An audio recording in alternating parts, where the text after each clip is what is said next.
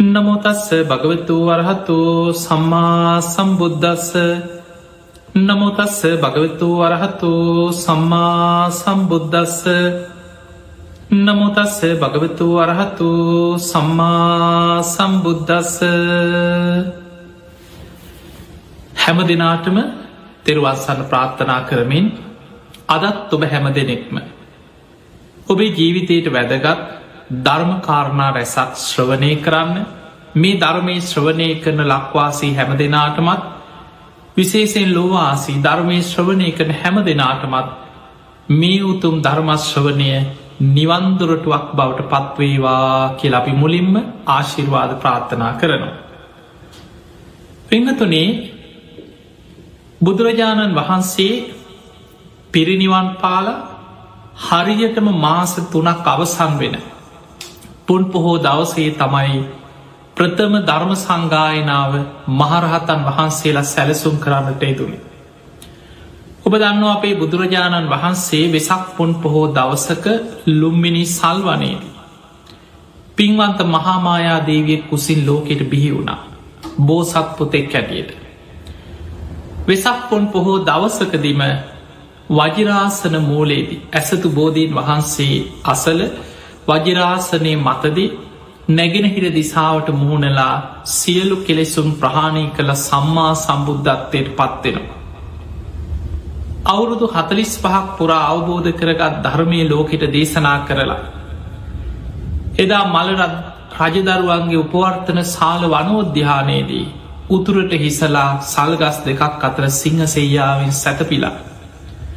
බුදුරජාණන් වහන්සේ වෙසක් පුන් පොහෝ දවසේ අනුපාදිශේෂ පරනිර්වාණ දහත්වෙන් පිරිනිවන් පාන. අපේ බුදුරජාණන් වහන්සේ පිරිනිවන් පාද්දී මතකතියාගන්න බුදුහාන්දුරන්ගේ ශ්‍රාවකයෝ. සිවනක් පිරිස අතර භික්‍ෂු භික්‍ෂුණී උපාසක උපාසිකාව අතර පැවිදි වෙච්චාය ගත්තත් හැමෝම බුදුරජාණන් වහන්සේ ගැන පැහැදීමෙන්ම ශාසනය හිටියන් නෙමේ. සමහරයි පැවිදි වෙලත් බුදුරජාණන් වහන්සේට වෛර කරමින් හිටපු අයි හිටිය. බුදුරජාණන් වහන්සේට අනතුරු කරන්න සැලසුම් කරපු පැවිදි අය හිටිය. ද දේවදත්ත භික්‍ෂු දේවදත්ත විතරක් නෙමේ දේවදත්තට එකතු වෙච්ච තව බොහෝ දෙනෙක් හිටිය. එය සියලු දෙනා එකතු කරගෙන බුදුරජාණන් වහන්සේට අනතුරු කරන්න දේවදත්තත් එක සැලසුම් කරා.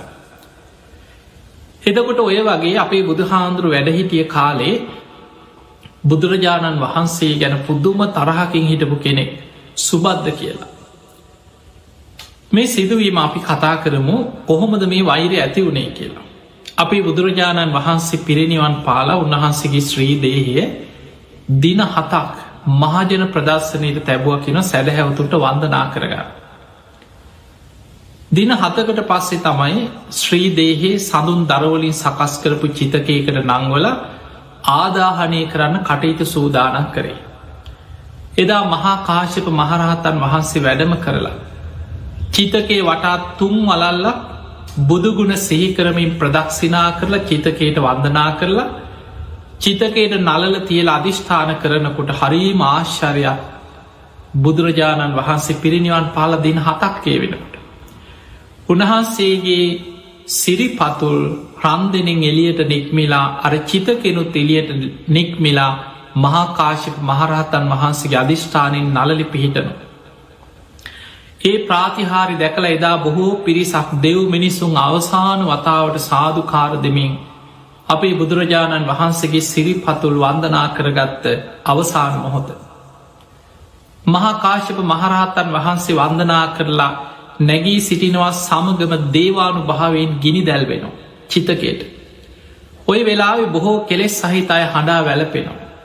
රහතන් වහන්සේලා ලෝක ධර්මතාවය අනිත්‍ය මෙනෙහි කරගත්තන්න. ඔන්න ඔතනට ආවාර බුදුහාන්දුරන්ට වෛර කර කර හිටිය අර සුදත්ත කියන සුබද්ධ කියන කෙනා. ඇවිල්ලා භික්‍ෂූන් වහන්සේලා හඬා වැලපෙන අතරට ඇවිලකින මොකට දුඹල හඩන්නේ සතුටු යල්ලකි. ඒ මහා ශ්‍රමණයගෙන් දැන් අපි මිදුනා දැන් අපිට මේක කැපයි මේ කැපයි යෝක එපා කිය කිය නීතිදාන්න කෙනෙක් නෑක අපිට ඕන විදියට ඉන්න පුළුවන්කි. බලන්න මේ පාපිය සිතුවිල්ල තියෙන භයානක්කම ඒ වෙලා මේ සිතුවිල්ල බුදුහාදුරන්ගේ චිතක ගිනි නිවෙන්නක් පෙර අධර්මවාදී මේ වගේ පාපී ප්‍රකාශ කරන්න පටන්ගත්ත. ඒ වචනේ කන වැටුනා මහාකාශප මහරහතන් වහන්සේ වෙනකොට වැඩහිටිය ශේෂ්ඨතම කෙනා බුද්ධ ශාසන. මොකද පිංහතුනී බුදුරජාණන් වහන්සේ පිරිනිවන් පාන අවුරුද්ධකට පෙරයි අග සෞ දෙනම පිරිනිවන් පාන සාරිපුත්ත මොගල්ලාන මහරහතන් වහන්සේලා පිරිනිවන් පෑව අවුරුද්ධකට පෙර. ඒක ලෝක ධර්මතාවය. හැම බුදු කෙනෙකුටම පෙර අග සෞ දෙනම පිරිනිවන් පාන. ඊළඟට මේ ශාසනය වැඩහිටිය ශේෂ්ඨතම කෙනා අසූ මහ ශ්‍රාවකයන් වහන්සේලා අතරින් ප්‍රධානම කෙනා. මහා කාශ්‍ය පහාදුරම ධර්මය හඳුන්න්නන්නේ තතිය ශ්‍රාවකයන් වහන්සේ කියලා තුන්වෙනි කෙන. මහා කාශ්‍යප මහරහත්තන් වහන්සේ එතනදී උන්වහන්සේට මේ ප්‍රකාශය කන වැටුනට පස්සේ ඉක්මනට ආදාහන කටයුතු අවසන් කළ සංඝයා එකතු කරලා කියනවා ආශ්මතුනේ අධර්මය බබලන්න පෙර අධර්මවාදීන් බලවත්වෙන්න පෙර. ධර්මී යටපත්වෙන්න කලින් ධර්මවාදීන් යටපත්වෙන්න පෙර. අවිනේ බලවත් වෙලා අවිනේවාදීන් බලවත්වෙන්න කලින් විනේ යටපත් වෙලා විනේවාදීන් යටපත්වෙන්න පෙර. ඉක්මනින් සංඝයා එකතු වෙලා ධර්ම විනේ සංගායනා කළ යුතුයි කියලා. ඔය විදියට තමයි මහාකාශිප මහරහත්තන් වහන්සේදා සංඝයා දැනුවත් කරලා ඒ වෙනකොට හිටපු බුදු හාමුදුරු පිරිනිවන් පාන වෙලාව හිටපු සද්ධාවන්තම රජ්ජුරු අජා සත්ත රජ්ජුරු. හැබැයි ඔබ දන්නවා රජ්ජුරුව ඊට කලින්න්න බුදුරජාණන් වහන්සේට වෛර කරපු කෙනෙ බුදුරජාණන් වහන්සේ මරන්න පවා දුනු සිල්පීන් එදෙව්ව දේවදත්තත් එක එකතු වෙලා නාලාගිරි හස්තිය පවා අජාසත්ත රජ්ජුරුවන්ගේ ඇත්ගාලි දරුණු මැතා. හැබැයි පස්සේ අජාසත්ත රජ්ජුරුවන්ට තේරුණා මට වැරදුනා. දේවදත්ත මාව රැවැට්ටුවා බුදුරජාණන් වහන්සේ හරි දේවදත්තයි වැරදි මමයි රැවටුනේ කියල. ඊට පස්සේ බුද්ධ ශාසනී පුද්දුම සද්ධාවකින් බුදුරජාණන් වහන්සේව නිතර ඇසුරු කරන්න වන්දනා කරන්න බණහන් නිතර බුදුගුණ හිතහිතා තමන්ගේ ජීවිතය අර වෙච්ච වැරදි ගැන පසු තැවීමින් කාලය ගත කරේ. මේ අජාසත්ත රජ්ජුරුවන්ගේ රාජ්‍ය අනුග්‍රහයෙන් බුදුරජාණන් වහන්සේ පිරිනිවන් පාල මාස තුනක් යනතැන එකෙන වෙසක් මාස ඉදන් වෙසක් පොසොන් ඇසල නිකිනි නිකිනි පෝය දවසේ. සප්ත පරණී ගුහාව ඉදිරිපිට මේ ධර්ම සංගායනාව පන්සීයක් මහරහතන් වහන්සේලා එකතු වෙලා ධර්ම සංගායනාව සිදු කරන්න ඕන කියල සියලු කටයුතු අජා සත රජ්ජරුවන්ගේ රාජ්‍යානු ප්‍රහය සංවිධානය කර. ඉතිං ඔය අතර රහතන් වහන්සේලා පන්සිය නමක් තෝරගත්ත. හැබැයි ඒ අතර රහතන් වහන්සේලා හැටියට මුලින්ම හිටියේ හාරසි අනුව නම දෙනයි. සංගායනාවට අවශ්‍යම කෙනා ඒ වෙනකොට රහත් වෙලා හිටිය නෑ තෝරගන්න වෙලා වෙනකොට. ඒ තමයි ආනන්ද හාන්ද. ආනන්ද හාදුරු කියන්නේ කල්ප ලක්ස ගණන පෙරුම්පුරපු කෙනෙ බුදුරජාණන් වහන්සේගේ අග්‍ර උපස්ථායකයන් වහන්සේ. උන්වහන්සේට අග්‍රස්ථාන ගණනාවක් තිබුණ සතිමන්තානන් දුතිමන්තාන උන්වහන්සේ සිහිනුවන තියෙන භික්‍ෂූන් වහන්සේ අතරින් අග්‍රයි. යමක් ෂනීන් වැටහෙන භික්‍ෂූන් වහන්සේ අතරින් අග්‍රයි. මතක ශක්තියෙන් ධාරණ ශක්තියෙන් අග්‍රයි. බුදුහාමුදුරන්ගේ අග්‍ර උපස්ථායක. මුළු ධර්මීම කටපාඩන් කරගෙන හිටිය ධර්ම භාණ්ඩාගාරිකයන් වහස ඔක්කොම් මතකයි. බුදුරජාණන් වහන්සේ යම් තැනක යම් ධර්මයක් දේශනා කරාද? ඒක සාරාංස කරලා හරි එදා ආනන්ද හාමුදුරන්ට ආයමත් බුදුරජාණන් වහන්සේ කියල දුන්න. ඒ ආනන්ද හාන්දුරන්ගේ පොරොන්දුවක්.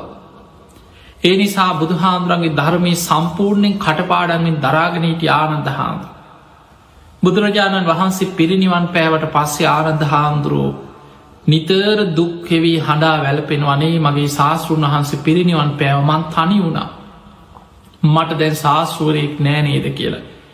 බුදුරජාණන් වහන්සේ වැඩ සිටිය කුටිය මේ කුටියට ගිහින් කුටිය දොර වහගෙන බොහෝම දුක්කෙන වනේ මේ වෙලාවෙ තතාගතයන් වහන්සේ වැඩහිටියනම් වෙන දට. ආනන්ද කියල කතා කරනවා. ආනන්ද උනු පැන්ගේෙන් ආනන්ද ඇල් පැන්ගේෙන් බුදුරජාණන් වහන්සේ කී වතාවක් මට ආනන්ද කියලා කතා කරනවා. මට අනුකම්පා කරපු මගේ ශාස්තෘන් වහන්සේ පිරිනිවන් පෑවා කිය කිය උන්වහන්සේ දුක්වෙනවා. දැන් ධර්ම සංගායනාවට සියලු කටයුතු සූදානං ආනද හාමුදුරුව තාම දුක්කවීන්නවා ධර්මාබෝධයට වීදිය වඩන්නේ. එදා මහාකාශප මහරහතන් වහන්සේ ඇතුළු රහතන් වහන්සේලා තීරණය කරා මේ සංගායනාව රහතන් වහන්සේලාගෙන්ම සිදු කළ යුතුයි කිය. ඒ නිසා ආනන්ද හාමුදුරන්ට සංඝය එකතු වෙලා කිව ආනන්ද ඔබ නැතුව මේ සංගායනාව නිවරදිව කරන්න අමාරුයි. ඔබයි ධර්ම බහන්්ඩාකාරිකයන් වහන්සේ. හැබැයි ඔබ කෙලෙස් සහිතව ඔබ සෝවාන් පලයට පත් වනාට තාම ඔබ තුළ ක්ලේෂ ධර්මයන් තියනවා.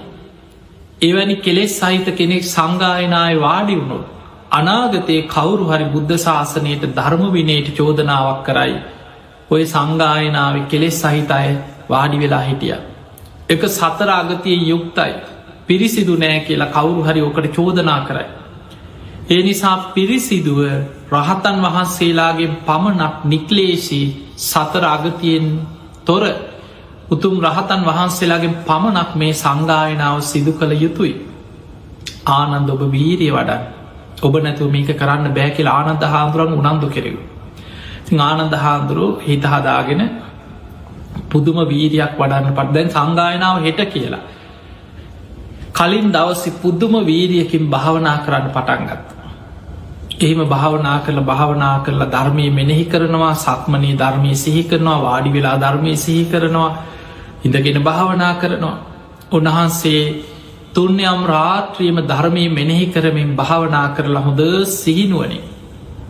උන්වහන්සගේ කොටියට වැඩම කරලා උන්වහන්සේ නිදාගන්න ඇඳේ වාඩිවුනෙත් සති සම්පජානයෙන් සිහිනුවනින්මයි.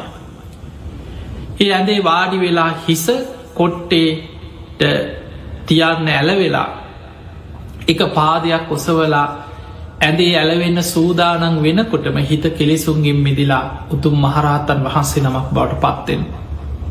ඒ නිසායි ආනන්ද හාන්දුරුවන්ගේ ධර්මාවබෝධය ගැන ධර්මය සඳහන් වෙනි සතර ඉරියව්වෙන් තොරයි කියලා. සතර ඉරියව් කියන්නේ සාමාන්‍යෙන් ප්‍රධාන වසයෙන් හිටගෙන ඉන්න.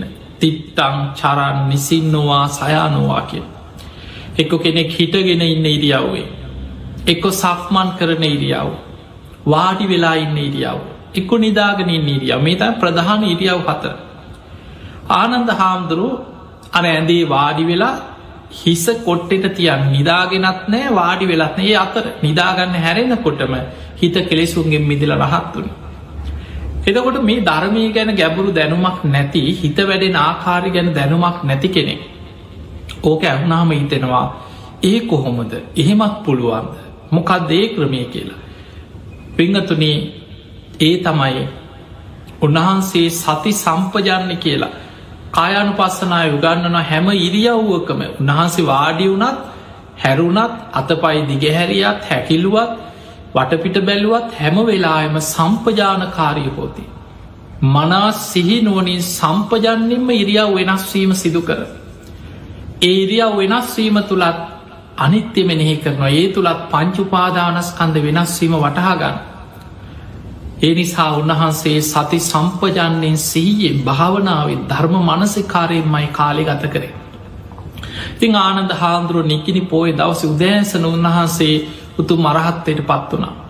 උන්වහන්සේ කල්පනා කරා අද සංගායනාව ආරම්භ කරන දවස නමුත් මං සාමාන්‍ය කෙනෙක් වගේ ඇවිදගෙන ගිහිල්ලා. මං වෙනුවෙන් සකස් කරලා තියෙන සංගායනා සභාව ආසනයේ මං වැඩහිටියෝ.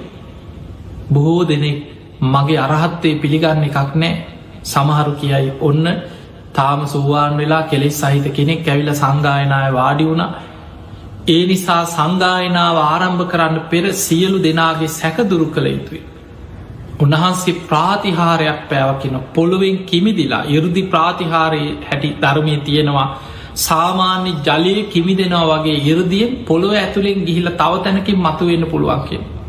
ඔබ දැකල ඇති ජලයේ වතුරි පීනන අය වතුර ඇතුළෙන් ගිහිල්ලා උඩට මතුවෙන. ඒ සාමාන්‍ය ජලය තුළ කරන්න පුළුවන්. ඒ වගේ මේ සතර මහා ධාතු චිත්ත වසී ප්‍රාප්ත කරගත්ත කෙනෙකුට ඉර්දී ඉර්දි පාද වඩලා ඉර්දි ප්‍රාතිහාර ඥානය උපදවා ගත්ත කෙනෙකුට ජලය කිමි දෙෙන වගේ පොළොවෙන් කිමි දෙන්න පුළුවන්. ජලය මත ඇවිදින්න පුළුවන් අපි පොළොව ඇවිදිනවා වගේ ඉරදිය ජලය මත ඇවිදගෙන යන්න පුළුවන්කන එක ඉරදිය සාමාන්‍ය කෙනෙකුට කරන්න පුළුවන් දෙයක් නෙමේ. ඊළඟට අහසින් යන්න පුළුවන් කිය. ඔය වගේ නොයෙක් ප්‍රාතිහාර ඉරදි ප්‍රාතිහාර ගැන නොපෙනී ගමන් කරන්න පුළුවන් නොයෙක් ප්‍රාතිහාර ගැන ධර්මී සඳහන් වෙනවා. ති ආනන්ද හාමුදුරුවෝ ඔය වගේ පොළොවෙන් මතුවනේ අර සංගායනා සභාව ආසනය ලඟින් අහසට පැන නැග්ග පොළුවෙන් ඇතුළෙන් කිමිදිලා වැඩම කරව. අහසේ පෙළහර පානකොට සියලු දෙනා සාධකාර දෙන්න පටන්ගත් ආනන්දයන් වහන්සේ ධර්මය අවබෝධ කරලා ආනන්දයන් වහන්සේ උතුම් මරහත්වයට පත්වෙලා අද සංගායනාවට වැඩම කරේ උන්වහන්සේ නික්ලේසී කෙනෙක් හැටියටයි කියල්.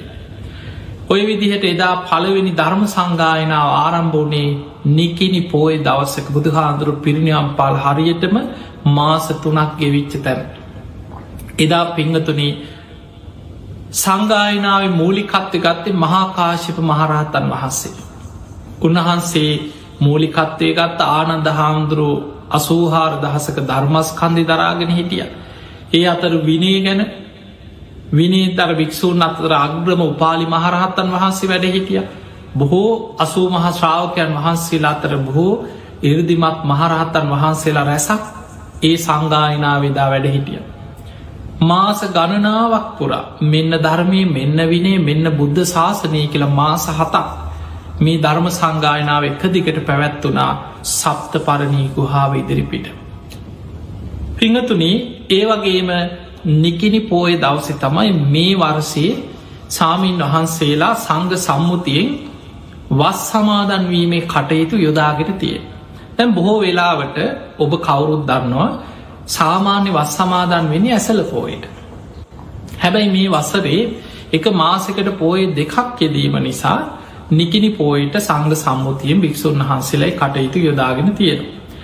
දැන් සාමාන්‍යින් එකැන ස්වාමීන් වහන්සේලා මේ වස් සමාදන්වීම ගැන ඔබට වර්තමානය අපි දන්නවා අදටත් ඒ බුදුරජාණන් වහන්සේගේ සික්ෂා ගෞරවයෙන් යුක්තව ධර්ම ගෞරවයෙන් යුක්තව කටයුතු කරන ස්වාමීන් වහන්සේලා උන්වහන්සේල ලෝකෙ කොහේ හිටිය සමහරලාවට දැන් අද ගත්තහම අපේ රටේ තියෙන කාලගුණික වෙනස්සේ ලෝකෙ තව තව රටවල් වල තියෙන දේශගුණික කාලගුණික වෙනස්සේ අවුරුදු දෙදස් පන්සිය ගානකට පෙර බුදු හාන්දුර වැඩ හිටිය දඹදිව තිබ්බ කාලගුණෙන් නෙමේ.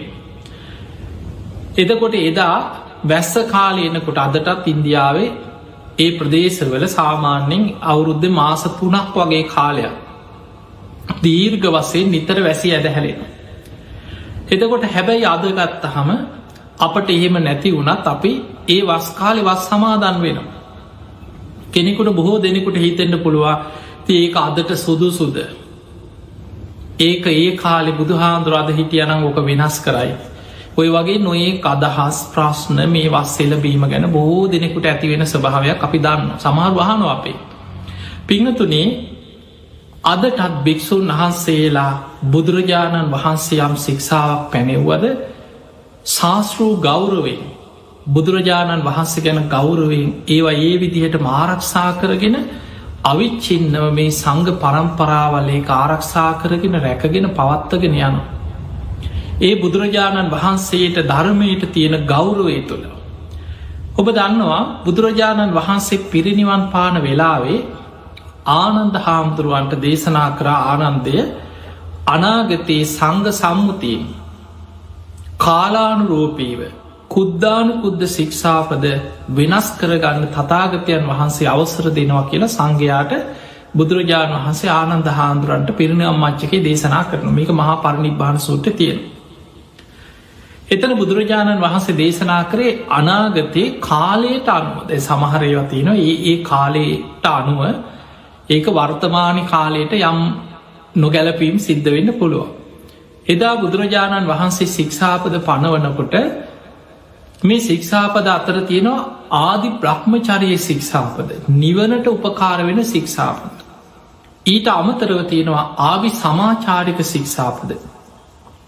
ඒ ශික්ෂාපද බුදුරජාණන් වහන්සේ පනවන්නේ නොපැහැදුනුවන්ගේ පැහැදීමටත් පැහැදුනුවන්ගේ විපුල භාවය පිණිසත්. ඒ ඒ කාලය ඇතිවෙච්ච නොයෙක් සමාජ ප්‍රශ්න මිනිස්සුන්ගේ විශ්වාස මේවත් එක්ක මිනිස්සුන්ට තකුසල් ඇති නොවෙන්න ඒ වගේ හේතු මත බුදුරජාණන් වහන්සේ යම් යම් සික්ෂාපද පනවල තියෙන. එතකොට ඒ අතර සමහර දේවල් අදට ගැලපෙන් නැතිවෙන්නත් පුළුව. නමුත් බුදුරජාණන් වහන්සේ නිසා පිරිනිවන් පාන වෙලාවේ ආනන්ද හාමුදුරන්ට සිහිපත් කර ආනන්දය කාලානුරූපයේ ඒ කාලයට ගැලපෙන විදිහට ඇතැම් කුද්දාවනු කුද්ද ශික්ෂාපද කුඩා කුඩා ශික්ෂාපද සංඝයාට සංග සම්මුතිය වෙනස් කරගන්න තතාගතයන් වහන්සේ අවසර දෙනවා කිය. නමුත් පිංහතුනේ ආනන්ද හාමුදුරුව බුදුරජාණන් වහන්සේ පිරිනිවන් පානකොට ඔබ දන්නවා ආනන්ද හාමුදුරු සෝවාන් වෙච්ච කෙනෙ. ආනන්ද හාන්දුරු බොහොම සංවේදී. මහා පරණිබ්භාන සූට්‍ර සඳහන් වෙන ආනන්ද හාදුරු බුදුරජාණන් වහන්සේ පිරිනිවන් පාන වෙලාවේ බෝ දුකසේ උන්වහන්සේ හඬා වැලපෙනවා. එක අවස්ථාවක තියෙනවා බුදුරජාණන් වහන්සේ පිරිනිවන් මංචක වැඩඉඳ ලහනවා කෝ මහනිනිමේ ආනන්දකෝ ආනන්ද හාන්දුරුව කුසිනාරාවේ එක පැත්තක විහාරගේක පිටිපස්සට ගිහිල්ල උළුවස්සකට හේතු වෙලා හොඳටුවම හඩා වැලපෙනවා. අනේ මට අනුකම්පා කරන මගේ ශාස්තෘන් වහන්සේ දැම් පිරිනිවන් පානව මට කාගෙ පිහිටක්ද. ඒවෙලේ බුදුරජාණන් වහන්සේට භික්‍ෂූන් වහන්සේලා දැනුන් දුන්නා ස්වාමීනි භාගතුන් වහන්ස ආනන්දයන් වහන්සේ අර අත්තන විහාර පිටි පස්සේ උළුවස්සකට හේතු වෙලා හඬා වැලපෙන. බුදුරජාණන් වහන්ස අදලම් මහනෙන ආනන්දට මගේ වචනයෙන් එන්න කියන්න තතාගතයන් වහන්සේ අමතනවා කියලා ආනන්ද වෙක්කරගෙනෙන් භික්‍ෂූන් වහන්සේලා කියලා ආනන්ද හාන්දුරන් එක්කරගෙනාව. බුදුරජාණන් වහන්සේ ආනන්ද හාන්දුරන්ට වදාළ ආනන්ද තතාගතයන් වහන්සේ දේශනා කරා නේද. සබ්බේහි මේ පියෙහි මනාපේහි නානා බහෝ විනා බහෝ. මේ ලෝකෙ සියලු ප්‍රියමනාප දේවල් වෙනස් වෙනවා. මේක අනිත්‍යයි කියල දේශනා කරා නේද. ආනන්ද හිත හදාගන්න ධර්මය සහි කරන්න. එදා බුදුරජාණන් වහන්සේ ආනන්ද හාන්දුරන්ගේ ගුණ අර සංඝ අතරදි කියෙන මහණෙන අතීත බුදුවරුන්ට මේ ආනන්ද වගේම අග්‍රපස්ථායකයන් වහන්සේ නමක් වැඩඉඳලා තියෙන. වර්තමානි තතාගතයන් වහන්සේටත් මේ ආනන්ද කල්ප ලක්ස ගනම් පෙරුම් පුරාගෙනාපු කෙනෙ බුදුහාන්දුරන්ට උපස්ථාන කරන්න. අනාගතය යම්තාක් බුදුවරු මේ විශ්වය පහළ වෙනවාදේ බුදුවරුන්ටත් මේ ආනන්ද වගේම පින් ඇති කෙනෙක්ගේ ඒ ශාසන තුළ ලැබෙනවා. මහනෙන මේ ආනන්ද තව නොබෝදිනකින් සියලු කෙලෙසුම් ප්‍රහාණය කළ සම්බුද්ධත්වයට පත්වෙනවා කියලා බුදුරජාණන් වහන්සේ පිරිනිවන් මංචකයේදී දේශනා කරා. එතකොට ආනන්ද හාමුදුරුව දුකෙන් හිටපු නිසා ඒ වෙලා බුදුරජාණන් වහන්සේ පිරිනිවන් පා නාසන්න වෙලාවේ. ආනන්ද සංග සම්මුතියෙන් කුඩා කුඩා පුද්ධානකුද ශික්ෂාපද වෙනස් කරගන්න කියලා කිව්වත් ආනන්ද හාමුදුරන්ට බැරි වුණා සාමීනී මොනවදේ කුද්දාන පුද්ද ශික්ෂාපද කියලා හරියට වෙන් කරලා දැනගන්න අමතක වුණා. ඉති පළවෙනි ධර්ම සංගායනාවේදී ආනන්ද හාමුදුරුව සංගායනා සභාවට වැඩම කරත් සංඝයා ආනන්ද හාමුදුරුවන්ට සංගායනාව පටන්ගන්න පෙර චෝදනා පහක් කෙල්ල කරලා තියෙන. එක ධර්මය සඳහන් වෙන විනය ග්‍රන්ථවල සඳහන් වෙනවා ඒ චෝදනා පහට ආනන්ද හාමුදුරන්ට නිවරදි භාවය ඔප්පු කරන්න වනා මහරහතන් වහන්සේලා ඉදිරී. ඊට පස්සේ තමයි සංගායනාව ආරම්භ වනේ. එක චෝදනාවක් තමයි ඔයි චෝදනා. බුදුරජාණන් වහන්සේ පිරිනිවන් පාන වෙලාවේ ආනන්ද සංග සම්මුතියෙන් කාලානුරෝපීම කුද්දානු කුද්ද ශික්ෂාපද වෙනස් කරගන්න කියලා ආනන්ද හාමුදුරට සීකර. හැබැයි ආනන්ද හාමුදුරුව ඒක හරියට අහල දැනගත්තෙනේ. ඒවෙලේ ආනන්ද හාන්දුරු නිදහස්සට සංඝයා ඉදිරී කරුණු කියන ඒවෙලේ බුදුරජාණන් වහන්සේ පිරිනිවන් පාන වෙලා මං ගොඩක් සංවේදී වෙලා හිටි මට දිසාවල් පවා වැටහෙන් නැතුව ගියා. ඒ නිසා මට ඒක ඒ වෙලා බුදුහාන්දුරන් අහල විස්තර ඇතුව දැනගන්න මට බැරි වුණා. මගෙන් වැරැද්දක් වුණා කියලා සංඝයා සම්මත කරනවනම් සංඝයා මට සුදුසු දඩුවමක් පමුණුවන්න කියලා ඒ වෙලාවේ මහරහතන් වහන්සේ ආනන්ද හාන්දුරංග නිදොස්කොට ඒ චෝදනාවෙන් නිදහස් කරනවා. හැබැයි ඒ වෙලාවේ දැන් කුද්දානුකුද්ද ශික්ෂාපද මොනවද කියලා සංඝය අතර එක එක අදහස් ඇතිවෙන්න පටන් ගත කොටසක් කියන්න ගත්ත මේ ශාසනය තියෙන සතර පාරාජිකා ඇරෙන්න්න ඉතිරීව කුද්දානකුට තව කොට සක් කියන්න ගත්ත සතර පාරාජිකා සංගාධිසේ සෑරෙන්න්න ඉතිරීව කුද්දානකුත් එතකොට ඔය වගේ එකඒ අදහස් ගොඩක්කා මේ සංගායනාව මූලිකත්ති ගත්තේ මහාකාශිප මහරහතන් වහන්සේ.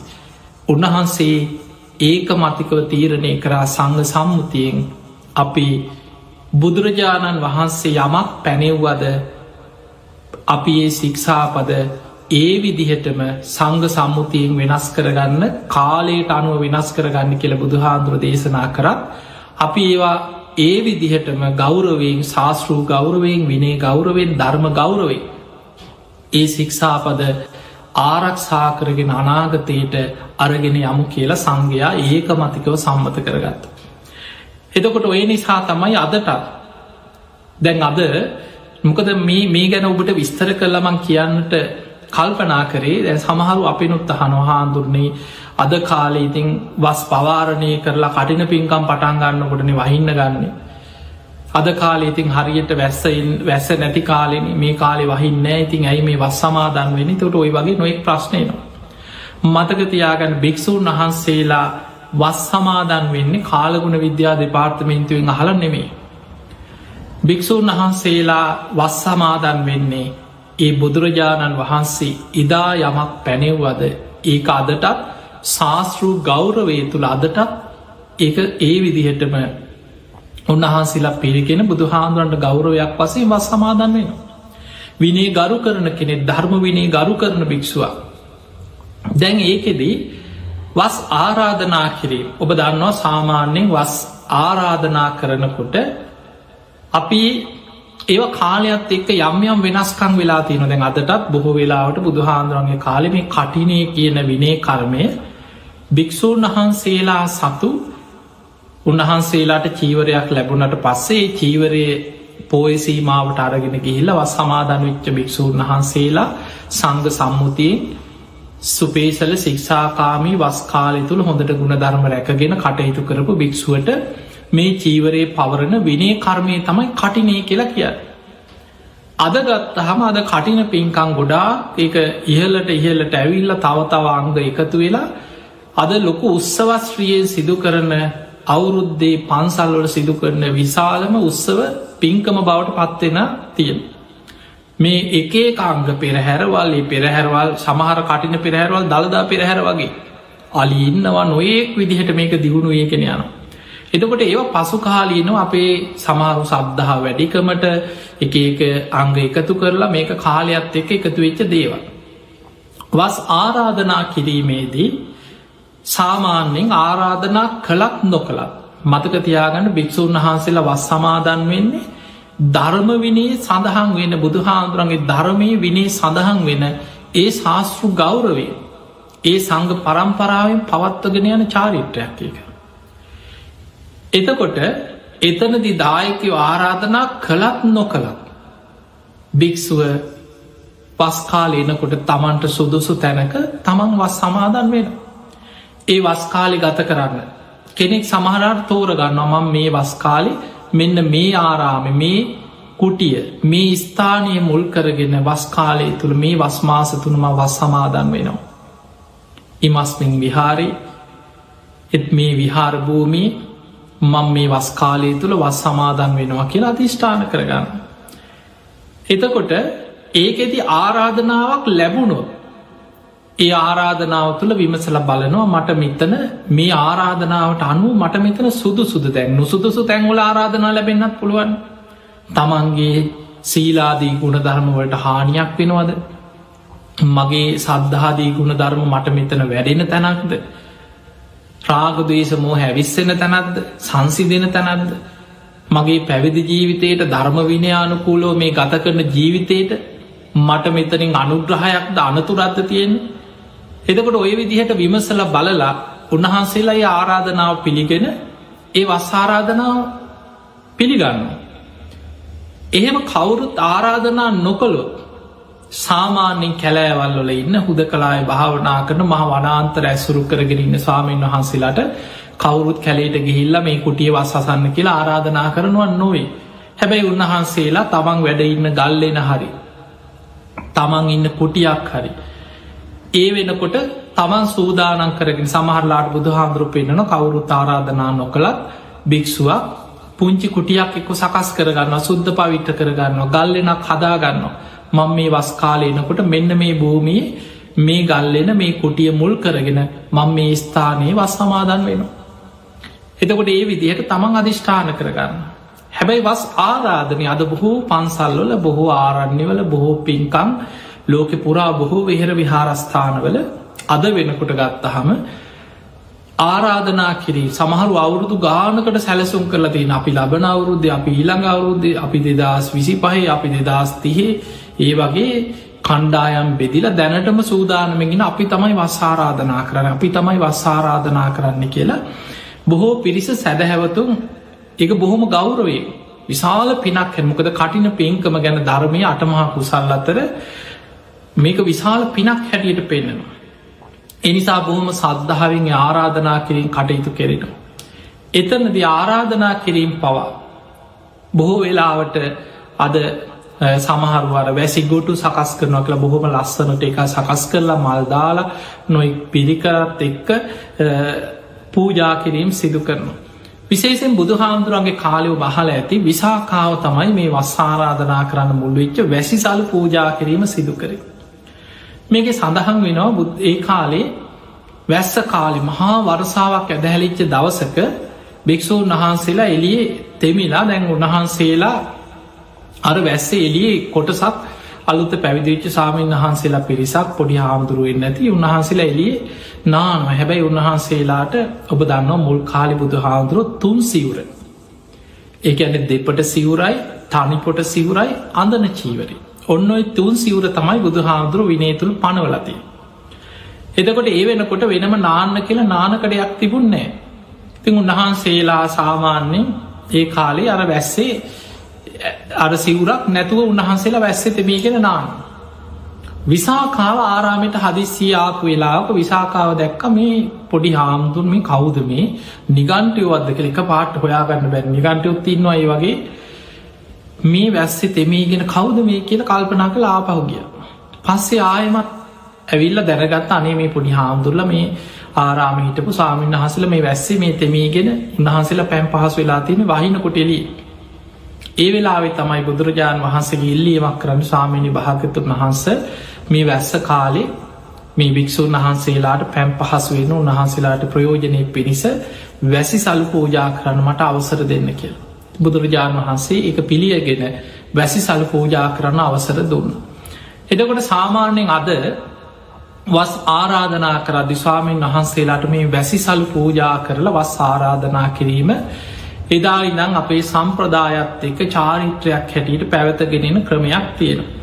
තිය නිසා වස් ආරම්භ කරන ඒ සාමීන් වහන්සේලාට බොහෝ පින්වතුන් පෝය දවසේ අවසානයේ සමහරලාවට වන්දනා කරලා බුද්ධ වන්දනා කරලා බොහොම ලස්සන්ට සකස් කරලා ඒ නානකද වැසි සල්ලු සමඟ වැසි සලු පූජාවත් එක්ක වත්සාරාධනා කිරීම කටයුතු අදස් සිදු කෙරෙන.